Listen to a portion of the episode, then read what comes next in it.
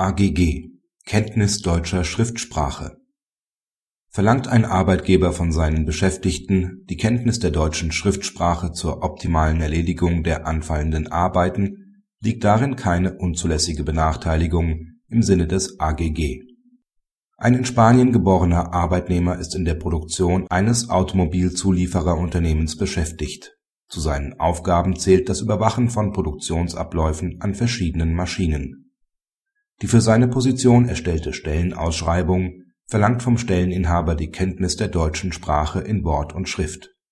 Im Jahr 2003 besucht der Arbeitnehmer einen Deutschkurs.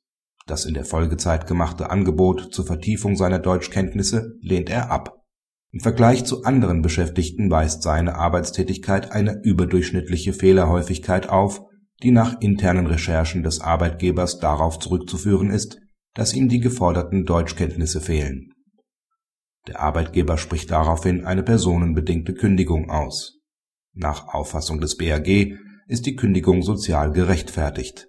Das Verlangen des Arbeitgebers nach Kenntnissen der deutschen Schriftsprache stellt keine unzulässige Benachteiligung im Sinne von § 3 AGG dar. Eine unmittelbare Benachteiligung gemäß § 3 Absatz 1 AGG liegt bereits deshalb nicht vor, da die deutsche Schriftsprache unabhängig von der Zugehörigkeit zu einer bestimmten ethnischen Personengruppe beherrscht werden kann. Es liegt auch keine mittelbare Benachteiligung vor. Selbst wenn man annimmt, dass die vom Arbeitgeber aufgestellte Anforderung spanischer Arbeitnehmer im Vergleich zu deutschen Kollegen in besonderer Weise gemäß § 3 Absatz 2 AGG benachteiligen kann, ist diese Anforderung im vorliegenden Fall durch ein rechtmäßiges Ziel sachlich gerechtfertigt und die Mittel zur Erreichung dieses Ziels angemessen und erforderlich. Als rechtmäßiges Ziel kommt nicht nur die Erfüllung eventueller Qualitätsnormen wie zum Beispiel der ISO 9001 in Betracht, sondern auch der allgemeine Wunsch des Arbeitgebers, die anfallende Arbeit möglichst optimal zu erledigen. Der Arbeitgeber hat ein durch Artikel 12 Grundgesetz geschütztes Recht, seiner unternehmerischen Tätigkeit so nachzugehen dass er damit am Markt bestehen kann. Wenn er dabei aus nicht willkürlichen Erwägungen schriftliche Anweisungen gibt und Schriftkenntnisse voraussetzende Prüftätigkeiten seiner Arbeiter vorsieht, ist das nicht zu beanstanden. Es ist nicht Sinn der Diskriminierungsverbote, dem Arbeitgeber eine Arbeitsorganisation vorzuschreiben, die nach seiner Vorstellung zu schlechten Arbeitsergebnissen führt. Der Arbeitgeber muss sich auch nicht darauf verweisen lassen, auf andere nach seiner Vorstellung weniger effektive Mittel wie etwa mündliche Arbeitsanweisungen auszuweichen. Ihm ist auch nicht zuzumuten, die Arbeit so zu organisieren, dass Arbeitnehmer ihre Arbeit auch ohne die unternehmerische Vorgabe, das heißt ohne ausreichende deutsche Sprachkenntnisse, verrichten können.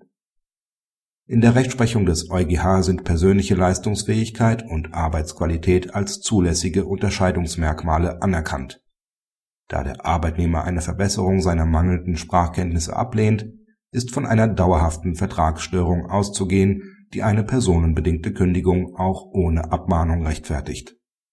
Praxishinweis Die Richter beweisen mit ihrer Entscheidung Augenmaß und Verständnis für die Bedürfnisse der Unternehmenspraxis Hervorzuheben ist, dass der Arbeitgeber eine entsprechende Anforderung nicht nur bei sicherheitsrelevanten oder behördlich bzw. gesetzlich vorgeschriebenen Qualitätsstandards aufstellen darf, sondern auch dann, wenn er der subjektiven Ansicht ist, hinreichende Sprachkenntnisse seien für eine effiziente Erledigung der Arbeit erforderlich.